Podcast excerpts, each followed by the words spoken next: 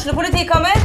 Ine Jansen er purk. Er du purk? The motherfucking bitch. Alt jeg vil, er å finne ut hva som skjedde med mannen min. Jon Carew. Er jeg sikta for noe? Iben Akeli. Det er du. Ole So, Lars Berrum og Big Daddy Karsten. Hvem sin side er du på, egentlig? Anette Hoff, Tone Danielsen, Kommer du fra Afrika?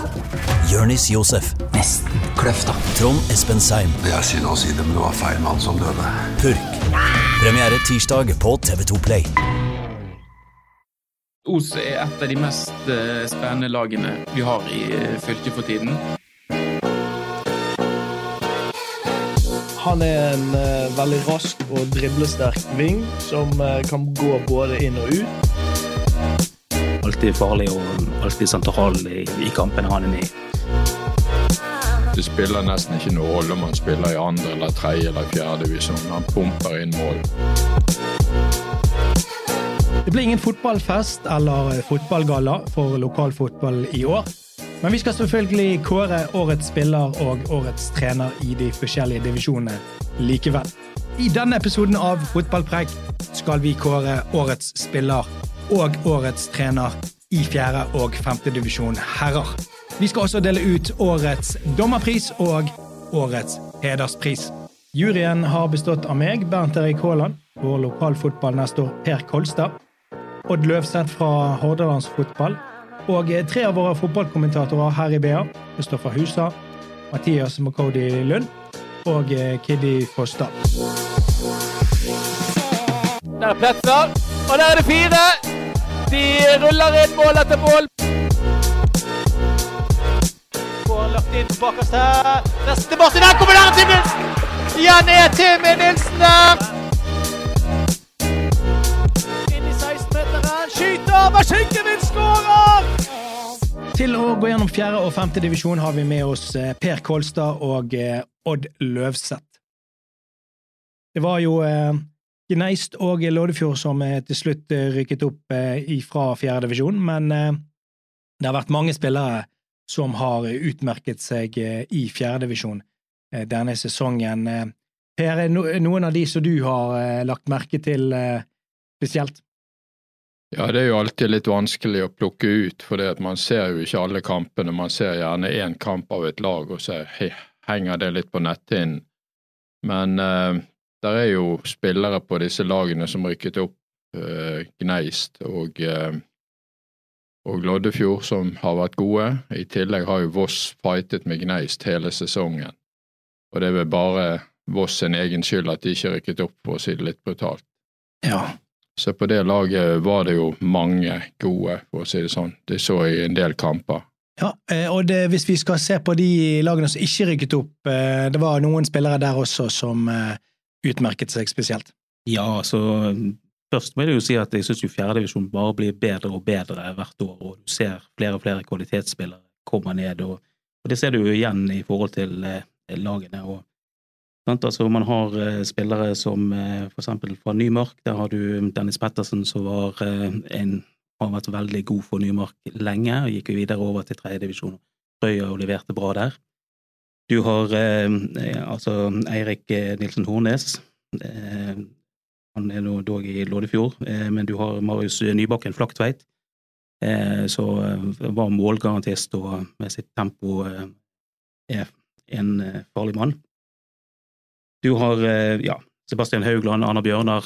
Eh, vi kan eh, nevne Benjamin Kleppe, Osterøy, for eksempel. Alltid, alltid farlig og alltid sentral i, i kampene han er med i. Og så, Per, har vi en på Askøy som også har bemerket seg spesielt. Ja, der har jo du to brødrepar, brødreparene Høviskeland og Juvik, men det er jo Tobias Juvik som har vært den mest fremtredende på et Askøy-lag som begynner vi, vi, vi å se konturen av nærmer seg tredjedivisjon. Det trenes nok bedre der ute, og også i trenerstaben, den sportslige staben, er det styrket i løpet av det siste året. Så det, det er noe kjekt å se at de har begynt å trene på øyene i nord der, da. Det har manglet litt i de siste årene. Er det bare et spørsmål om tid nå før vi får eh, Askøy opp i tredje divisjon? Ja, så Askøy kommer iallfall eh, til å være med neste år og kjempe om den plassen. Det har jeg tro på. Likevel så er det noen eh, spillere på eh, disse mm, opprykkslagene, og kanskje også Voss, som har eh, vært eh, veldig gode.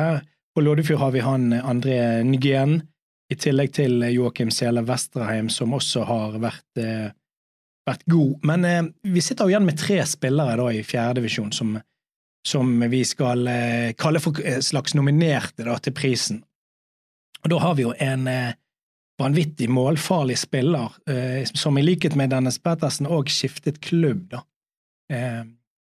som gikk da fra Voss til opp til tredjedivisjon. Og eh, uten Maid Memic eh, på Voss med sine 25 skåringer, så ville nok Voss ligget betydelig lenger nede, Per. Altså Maid har jo skåret mål håper jeg, siden tidenes morgen. og det, det, spiller nesten ikke noen rolle om han spiller i andre eller tredje eller fjerde divisjon. Han pumper inn mål. Og han er rett og slett en måljeger og han skåret elleve mål for Djerv 1919 i tredjedivisjon etter at han gikk over rundt 1. september på grunn av jobb i Haugesund. Og eh, det mest fantastiske var jo at han ble replassert av Kristoffer Bidden i neste omgang, som foretok akkurat det samme glansnummeret og skåret omtrent i hver eneste kamp. Men Maid han er en garantist for mål, og det var han i år også. Og så er det en, en spiller på Gneist som har vært utrolig viktig for opprykket til Kristian Andersen sitt mannskap? Ja, altså du har jo eh, Sondre Severås, så er vanskelig å komme unna der. Eh, han eh, hele veien egentlig vært på og putter og er sentral for, for Gneist og avgjør kamper ofte for laget. Så han er en meget viktig spiller i forhold til å klare dette opprykket for Gneis. da. Ja, og der har jo også, hos Gneis har også Sondre Eide vært, vært god, men Sæverås er med i denne siste treerbanden, da, sammen med nevnte, Du nevnte han i sted, Per. Kristoffer eh, Bidne. Hvorfor er han eh, en av de tre som vi står igjen med nå til, helt til slutt i diskusjonen? Altså, Han har jo spilt i førstedivisjon for Ness Sota som midtstopper, og er vel egentlig det jeg å si, av fag, for å si, bruke det uttrykket. Og Han ble omplassert som spiss når Maiden forsvant til Haugesund, og han begynte å levere med en gang. 20 mål på åtte kamper. Det er ekstreme tall, da. Så de merket jo nesten ikke at Maiden Memik hadde forsvunnet til Haugesund. Det er helt ekstreme tall, og jeg snakket mye med han eh, oppe i, i Voss, og han sa det at han er klok, han finner de rette rommene, avslutter bra, og er på en måte en spiller som kunne ha spilt lenger oppe i seriesystemet, uten tvil. Ja, og det er vel kanskje Eh, det som gjør at han kommer litt foran Maid i denne kåringen vår, nettopp fordi at han også var i Voss hele sesongen, og fordi at han eh, ja, løste jo den oppgaven sin som han fikk da eh, på en ekstremt god måte, og, og bikker faktisk også, kommer forbi Sondre Sæverhus i denne kåringen, sånn at det er årets spiller vi snakker om nå med Kristoffer Bidne på Voss i fjerdedivisjon herrer denne sesongen her. Eh, er det noe mer å tilføye her i, i denne sammenheng, Odd? Nei, altså det, det, understreker jo det Per sier her. Sant? Altså Når du har sånne spillere i fjerdedivisjon, så, så har du jo hevet nivået og gjør at fjerdedivisjon er en utrolig flott eh, arena både sikkert å spille i, og ikke minst for oss å eh, få lov å se på dette. Så et toppsted å følge lokalfotball. Nå når vi har kåret Kristoffer Bidne som årets spiller i fjerdedivisjon, en Voss-spiller. Så kan vi jo gå rett over og snakke om eh, trenerne i fjerdedivisjon. Og der eh, har vi tre mann på listen, i tillegg til en vinner. Vi kan jo begynne med Kristoffer Bidne sin trener, Eirik Ehn. Eh, per, har, eh, han, hvorfor har han fått det så godt til i Voss, selv om opprykket ikke helt kom i havn? Han har jo vært der en stund, og han kjenner jo forhold. og Det er jo en brigade med spillere som de har fått inn. Jan Ruben Sleen der, du har han Storheim som har vært der en stund, du har Bidne. Eh, de har klart å samle disse kreftene som har vært der. Maiden var jo også med i starten. Så det er et samlingspunkt. og Han har jo, har jo en spillerkarriere selv. Han var vel i Åsane en kort tid, så han var en bra fotballspiller. Og Det har de klart å støpe om til et bra fjerdedivisjonslag. Det er jo ikke mange år siden Voss var i femte. I tillegg vet vi at det er en del gode Voss-spillere som spiller i Fjøra. Det var med i tredjedivisjon med de, men de har ikke kommet tilbake.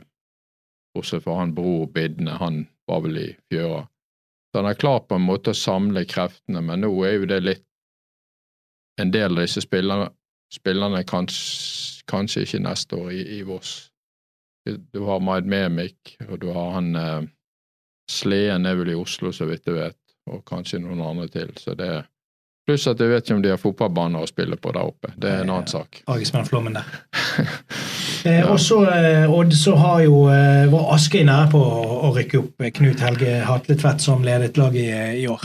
Ja, altså han har jo gjort en, en veldig god jobb eh, ute på Askøy og klart å Det har jo vært mye holdt på å si, problemer med å klare å samle Askøy-fotball, og eh, det virker jo som de har klart til dels å gjøre det nå og fått et eh, flott eh, byggverk der ute. og jeg tenker en god del av æren skal gå til han for å gjøre den jobben, og, og det han fikk til med laget, og spesielt nå i høst, var en sterk prestasjon. De var jo et av lagene som faktisk slo Loddefjord, som rykket opp.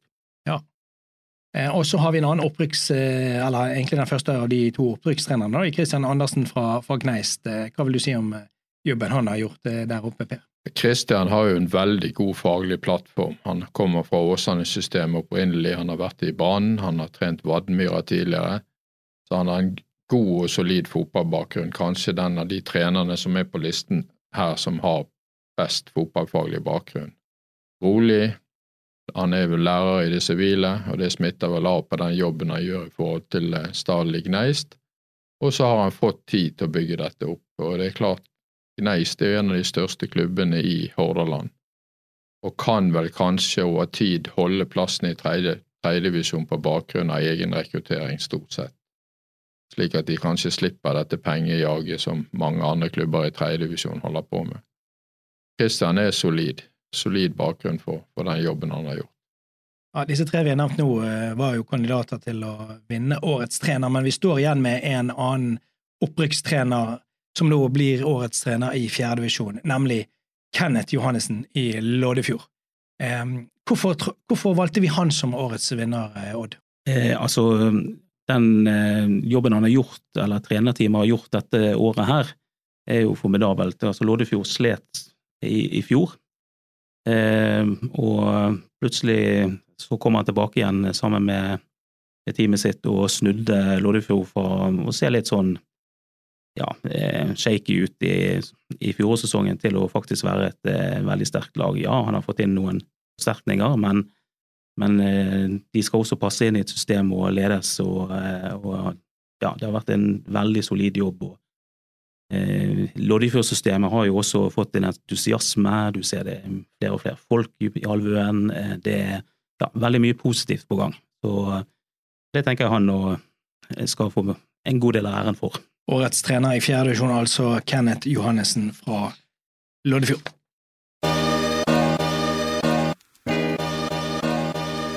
Da går vi over til femte divisjon. Der er det jo tre avdelinger. Vi kan bare kort oppsummere at eh, Odda Tyssedal eh, vant avdeling én med trio som også rykket opp.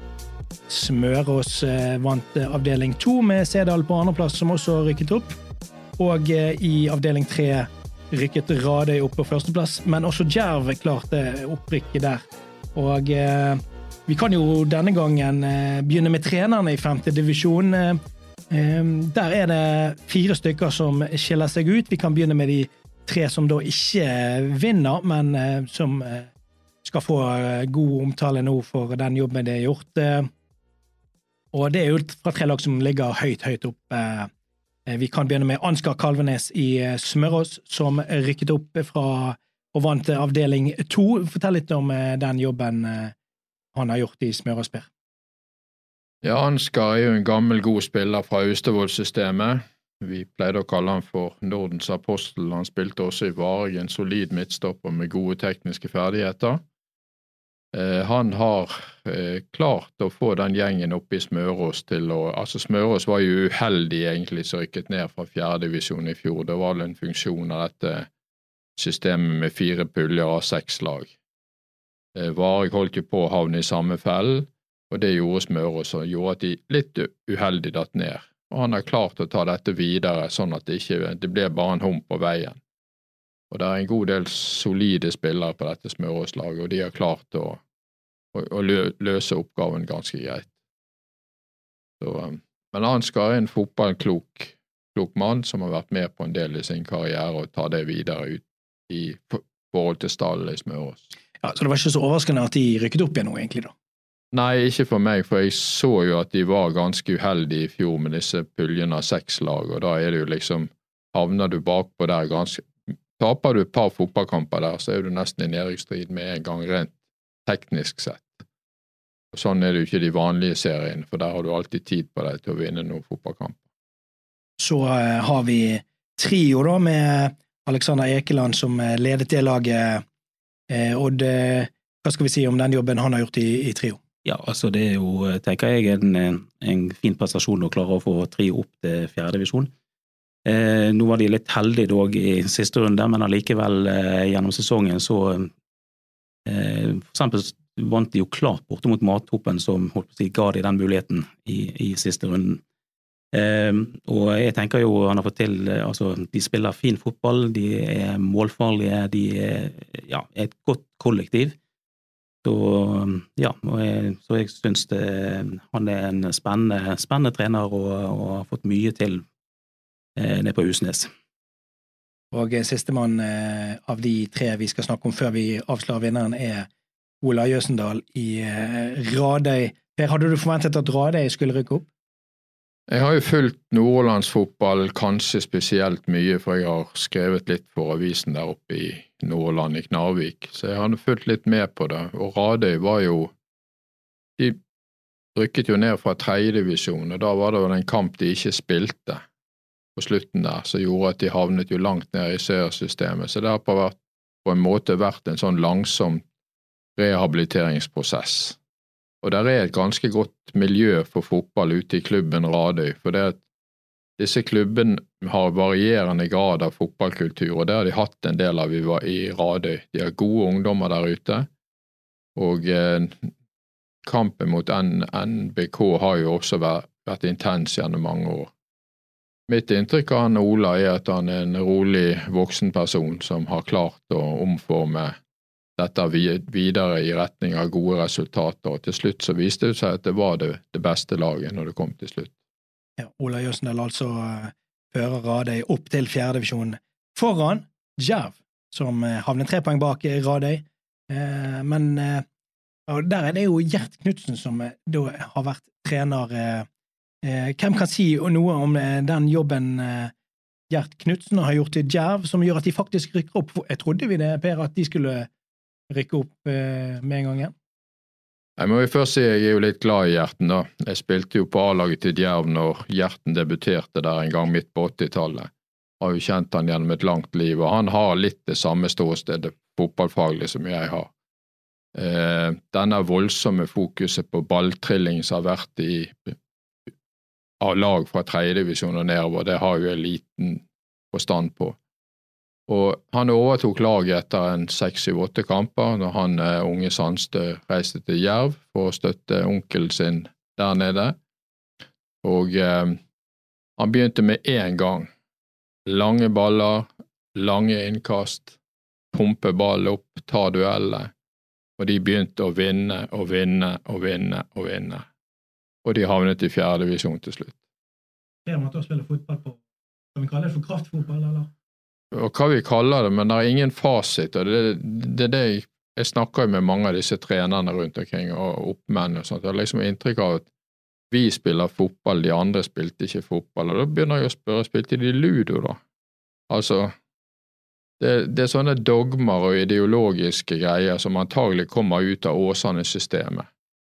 Og der har jo de også møtt på en måte veggen, sant? for det viser seg at de er svake, disse andre og tredjelagene. De svake i egen boks, de er svake i motstanderens boks, og mye av spillet foregår på egen banehalvdel med lav intensitet og lav tempo. Det er det fotballfaglige bak dette. Og Gjerten han hadde, han hadde tro på, på, det han holdt på med i forhold til sitt mannskap, og da snudde jo lykken, kan du si. De var ikke dårlige i starten heller, men det var fra det øyeblikket han kom inn, så begynte de å vinne fotballkamper. Jeg tror de vant de første elleve kampene.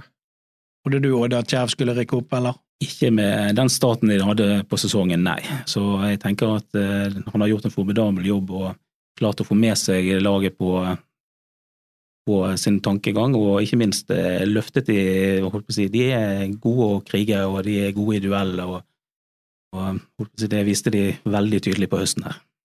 Dermed blir det altså Gjert Knutsen som er årets trener i femtedivisjon.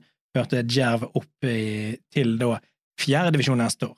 Så skal vi gå over til spillerne i femtedivisjon, og det er jo kanskje her vi ser tydelig de spillerne som ja, han kunne spilt på et høyere nivå, han kunne spilt på et høyere nivå. fordi for det er en god del spillere i femtedivisjon som har tydelig gode ferdigheter. Og noen av disse eh, ser vi jo eh, rundt om Før vi skal gå over på de siste fem her, så er det jo noen som vi kan trekke frem fra noen klubber som ikke rykket opp, og noen klubber som også faktisk rykket opp Eh, hvis vi ser på listen av de spillerne her, eh, Per, er det noen eh, som du har lagt spesielt merke til? Ja, Nå er jo femtedivisjon, det er 36 lag, og der er ikke så veldig mange anledninger å komme rundt og se på disse lagene, men med den svakheten i, i, i bakhånd, så eh, Ole Fredrik Midtveit er en kar som har skåret masse mål gjennom mange år. Hadde han bodd i Bergen sentrum eller bodd nærmere byen, så hadde han antageligvis spilt på et mye høyere nivå. Han har vært der lenge. Espen Birkeland spilte vel i Fana på toppen, og det har vel vært i andredivisjon, vil jeg tro. Jeg kaller han alltid evigunge Birkeland, og, men jeg hører rykter om at han skal eh, avslutte karrieren med opprykk til fjerdedivisjon. Vi får se neste år. Eh, det er vel de to av de spillerne vi har. Du han Alexander Aas Torvestad, Torvestad på Minde, som en rask flankespiller, som har vært med på å vinne kamper for Minde. De har vel vært litt for svake, litt for ofte bakover på banen. Det er vel det som har gjort at de ikke rykker opp. Ja, de har havnet eh, på tredjeplass. Ja, de var nært opprykk, og det var vel noen kamper der de tapte, så de kanskje ikke burde ha tapt med litt bedre forsvarsspill, men angriperne deres var gode, blant annet han Torvestad. Du da, Odd, noen du har lagt merke til? Eh? Ja, altså, Du har jo også hos Radøy han Sander Kjeseth Rat. Han så jeg for noen sesonger siden og eh, var veldig god da og blitt enda bedre nå. Eh, så han er spennende, en spennende spiller å følge videre. Eh, du har altså Aksel Bauge hos Nykomborg, som har hatt en god sesong. Og Ludvig Hope Skjeseth hos Smørås også. Har hatt en god og solid sesong i opprykksåret. Men så lå jo mattoppen an til opprykk lenge, men rotet det bort kanskje i siste kampen. der. De har ikke hatt problemer med å skåre, og det der er det to offensive spillere som eh, spesielt uh, utmerker seg i, i, år.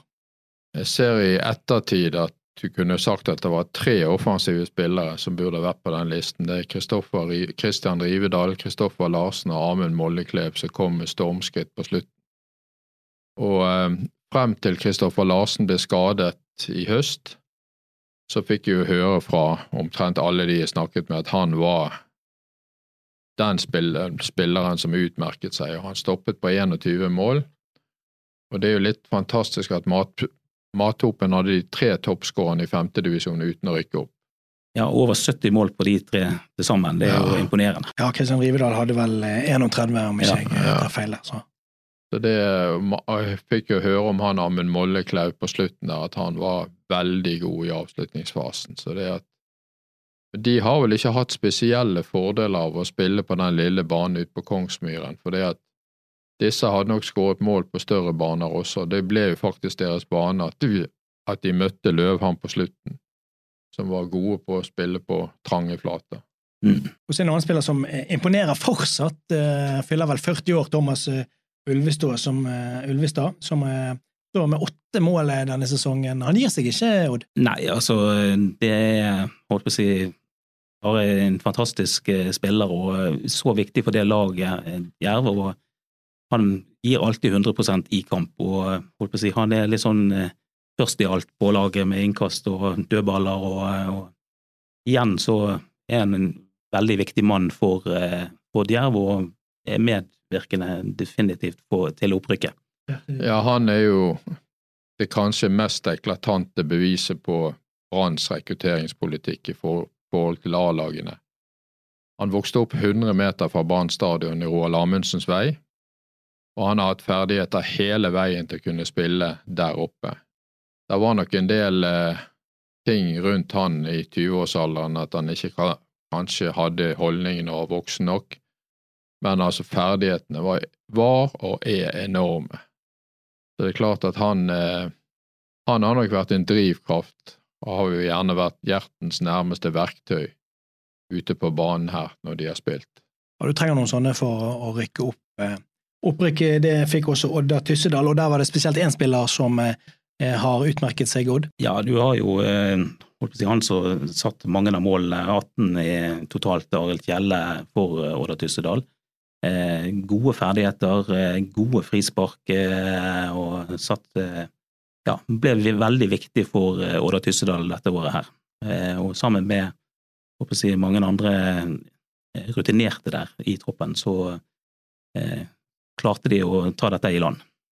Og så er det da årets spiller i femtedivisjon, en spiller som jeg ikke har sett sjøl, men som jeg har hørt Det som sies mest om han, er at han burde og kunne spilt kanskje to divisjoner opp. Eh, eh, hvem snakker vi om eh, da? Hvem av dere vil ta den?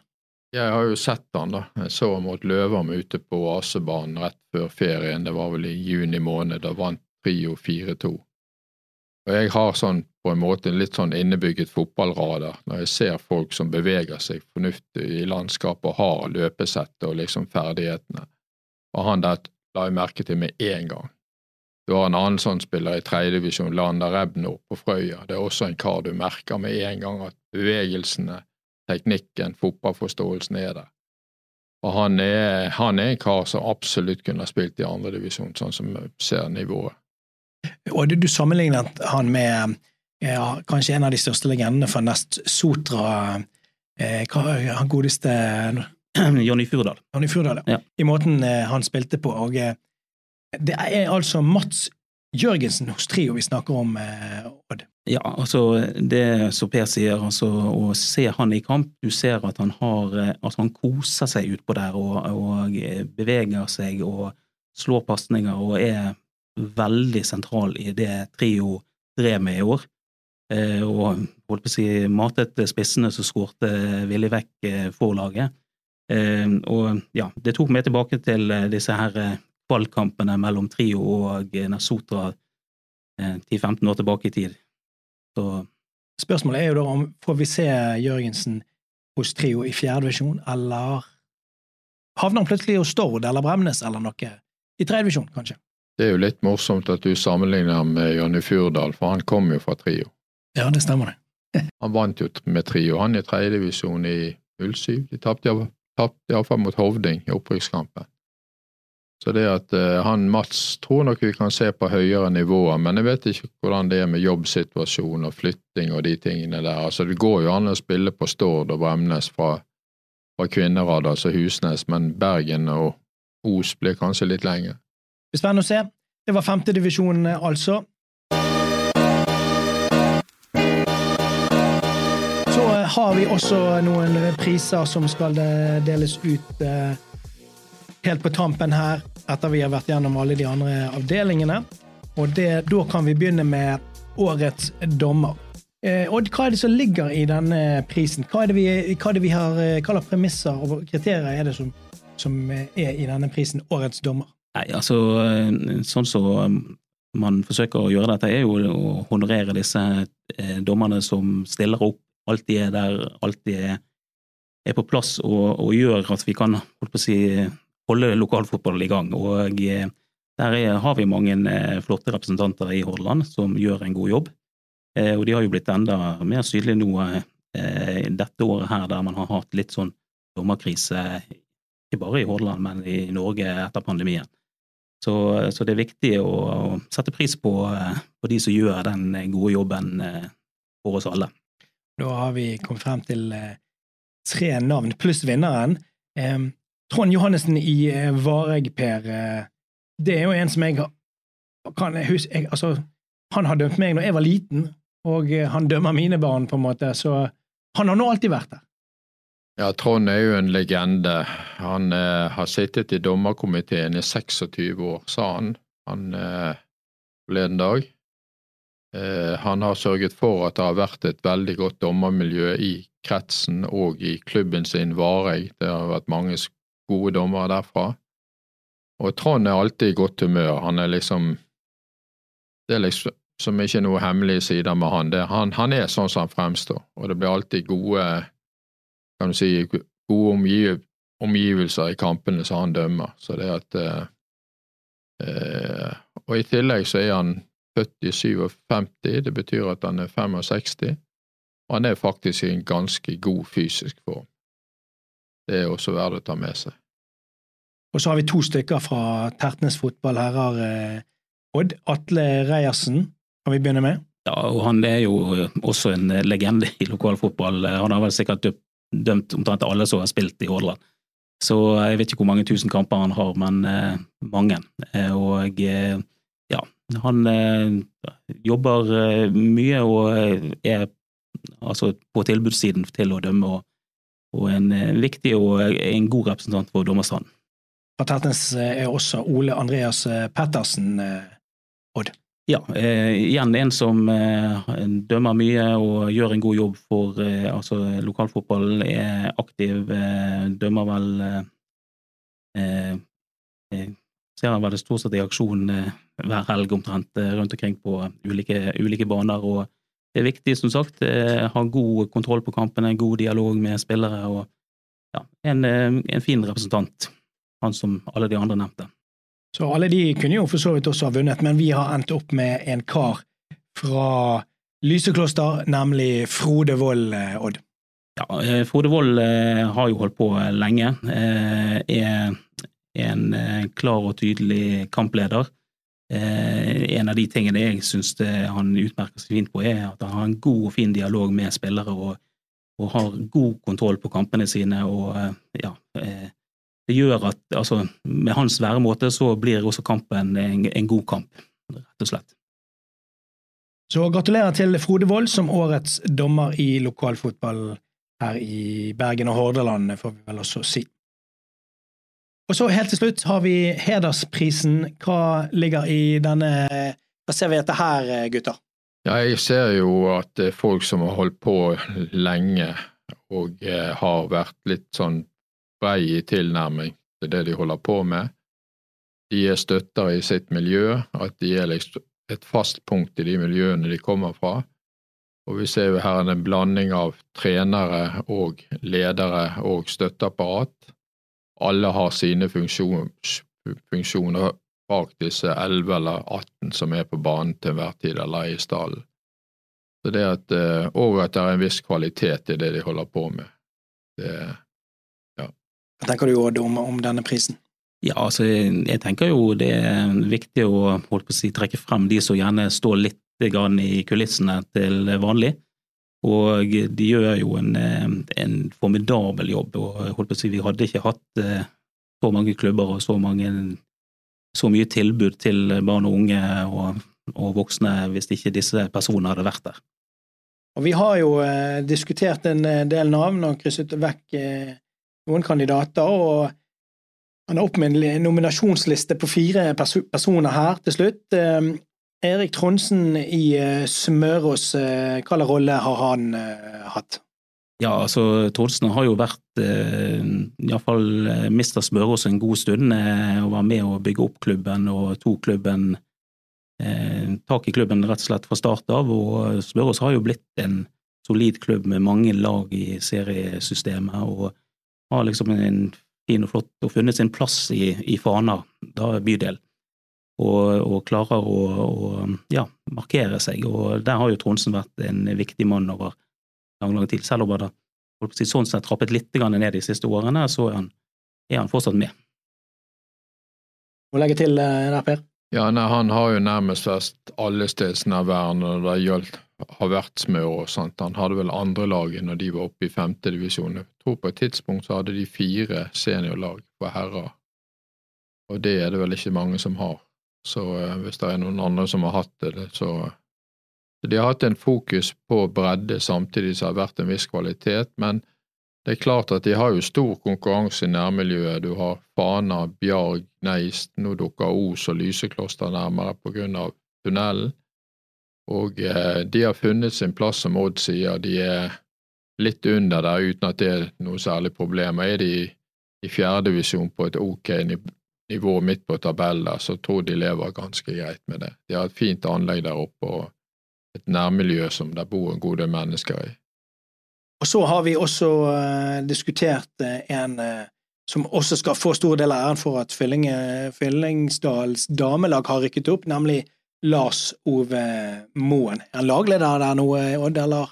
Ja, han er vel litt sånn alt i klubben. og Lars Ove Moen tenker jeg jo er en, en, viktig brikke, og ikke minst altså Én ting er året i år, men holdt på å si alle de årene før der har det stått og kjempet og jobbet for at faktisk dette som skjedde i år, eh, ble en mulighet. Eh, og jeg tenker jo, eh, uten han og sikkert noen andre der ute, så, så hadde ikke dette vært en realitet. Og nå opplever de en historisk begivenhet da med å komme seg opp til førstedivisjon kvinner. Ja, så Lars Ove Moen skal få mye av æren med det som har skjedd i, i Fyllingsdal på damesiden der. Han er vel den eneste vi har snakket om i dag som har vært med i olympiske leker i kappgang. Lars Ove er rolig, fornuftig, har stor sjarm og vet hva han kan og hva han ikke kan, og det er faktisk en god egenskap. Så han har nok sikkert vært en veldig miljøfaktor i dette miljøet, vil jeg tro. Så det at Fyllingsdalen Fyllingsdal har faktisk passert Viking og Bryne og Haugesund Viking har vel to tapte kvalrunder for å rykke opp til førstedivisjon bak seg, altså i, det ble vel i 21 og 19, vil jeg tro. Og eh, Fyllingsdal har faktisk klart å passere de, og de tapte bare én kamp i hele året. Og de hadde vel av de 17-18 siste kampene, så var det vel én uavgjort, og det var mot Odd i kvaliken. Så det er en stor prestasjon det laget har gjort, og der har Lars, eh, Lars Ove Moen en rikelig andel i den suksessen. Og så uh, har vi også uh, en mann fra Stord som i over flere år har uh, fått frem damefotballen der. Nå ble det tøft i, i år for Stord sitt lag, Odd? Ja, altså, holdt på å si, arbeidsforholdet til Øyvind Mellomstrand i år var noe mye tøffere enn tidligere år. og men, men allikevel så står han last og brast og jobber systematisk med å si, finne nye, flotte, gode representanter for, eh, for eh, Stord. Og selv om det ble fått med poeng, eh, så vil jeg jo også nevne at eh, om ikke han ble nevnt med navns eh, navn, så fikk han veldig mye skryt av Åsane fotball, eller det arbeidet Stord har gjort, i forhold til det som gjorde at Åsane faktisk rykket opp. Der takket de spesifikt også Stord for eh, en del av disse spillerne som har kommet, og ikke minst den profesjonaliteten de spillerne kom med. Ja, for Øyvind Mellomstrand har jo på en måte produsert eh, spillere til toppfotball eh, på rekke og rad. Eh, det er vel tre-fire stykker ute i Åsane. Og så er det vel Ja, vi har to i Avaldsnes, Natvik og ja. Silje Nilsen. Du har Vestbustad, og så har du Bjørnebøle. Så var det en som het Tilrem, hun var der for et par år tilbake. Så har du hun Lekven som skåra mål for Viking der nede. Så de har... til Viking. Ja. ja. Og så har du Ida Holnese som var på utenland til Arna-Bjørn ja, ja. Så det er nesten et uh, lag i, ja, i toppfotball. Ja, det begynner å ramse opp nesten et lag her nå, så, så derfor han, uh, har han vært med i diskusjonen. Altså, han er sterk fotballfaglig, og eh, de tok ett poeng i år. Jeg har jo ringt han etter hver kamp, kan du si. Og han tar telefonen, han Og det er jo gode forklaringer, men den beste forklaringen kanskje er jo også den historikken vi har vært inne i nå, og fremtiden. Nå går de i gang med å sette en ny gruppe. Og det syns jeg er ganske fantastisk. Og i et område som er preget av at jentene fyker ut når de er 1920 med utdanning og alt dette her, så er det så er du han igjen. Med antageligvis det samme resultatet om en to-tre år, at du har fått frem en fem, seks, syv, åtte gode spillere, og, og, det går litt i oppløsning. Så han står i det. Veldig bra. Eh, men eh, årets hederspris går likevel til en, eh, en trener som skal gi seg nå, Per. Stemmer ikke det? Jo, det er iallfall det han sier selv, og jeg må jo si det sånn, vi må jo tro på det han sier, men jeg sa det vel ikke direkte til ham, men hvis, jeg skal, hvis han gir seg nå, så blir jo 2023 det første året hvor jeg ikke snakker med Norvald Hovland hver eneste uke i løpet av sesongen. Så det er jo et savn.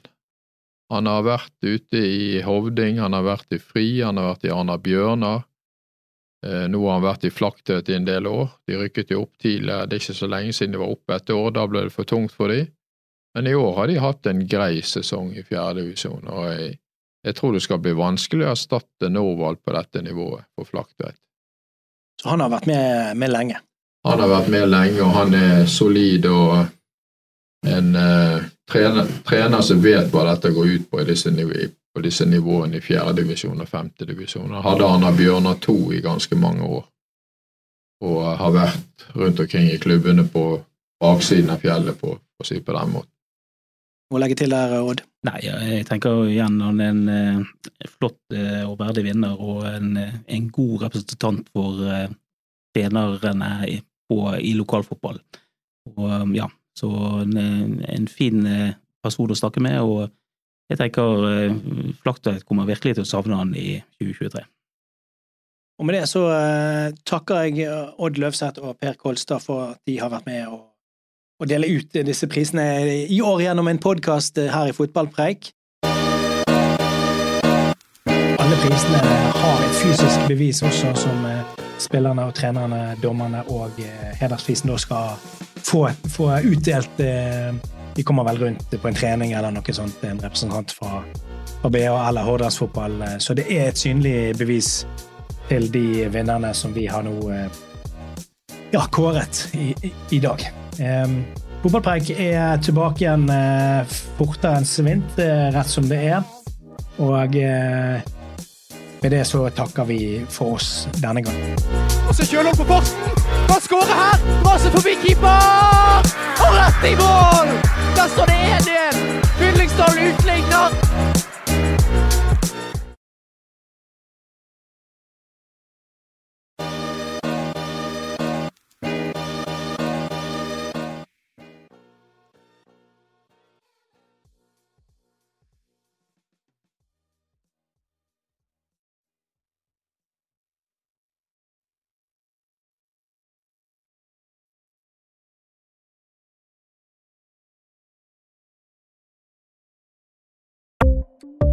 Ukens annonsør er HelloFresh. HelloFresh er verdens ledende matkasseleverandør og kan være redningen i en travel hverdag. Mange av oss har nok vandret i butikken både sultne og uten en plan for middagen, som ender med at vi går for de samme kjedelige rettene gang på gang. Middag burde være dagens høydepunkt. Som HelloFresh kan du nå velge mellom 25 ulike retter hver eneste uke, eller få HelloFresh til å sette sammen menyen for deg. Dette gir deg muligheten til å prøve nye og spennende retter alene eller sammen med familien. Du velger antall porsjoner og får alt levert på døren på et tidspunkt som passer for deg. Oppskriftene er enkle, og maten er lett å lage både for store og for små. Ved å få alt levert hjem får du også mer tid til å dele matgleden med familie og venner. Kanskje det frister med asiatiske tacos eller greskinspirert kylling? Da kan jeg anbefale deg om å gå inn på hellofresh.no. Her kan du bruke koden FOTBALL og få opptil 1779 kroner i rabatt på de første fem matkastene hvis du ikke har prøvd Hello Fresh tidligere. Du kan også bruke rabatten hvis du har vært kunde og stoppet abonnementet ditt for tolv måneder siden eller lengre. Gå inn på hellofresh.no og bruk koden FOTBALL. Har du et enkeltpersonforetak eller en liten bedrift? Da er du sikkert lei av å høre meg snakke om hvor enkelt det er med kvitteringer og bilag i fiken, så vi eh, gir oss her, vi. Fordi vi liker enkelt. Fiken superenkelt regnskap.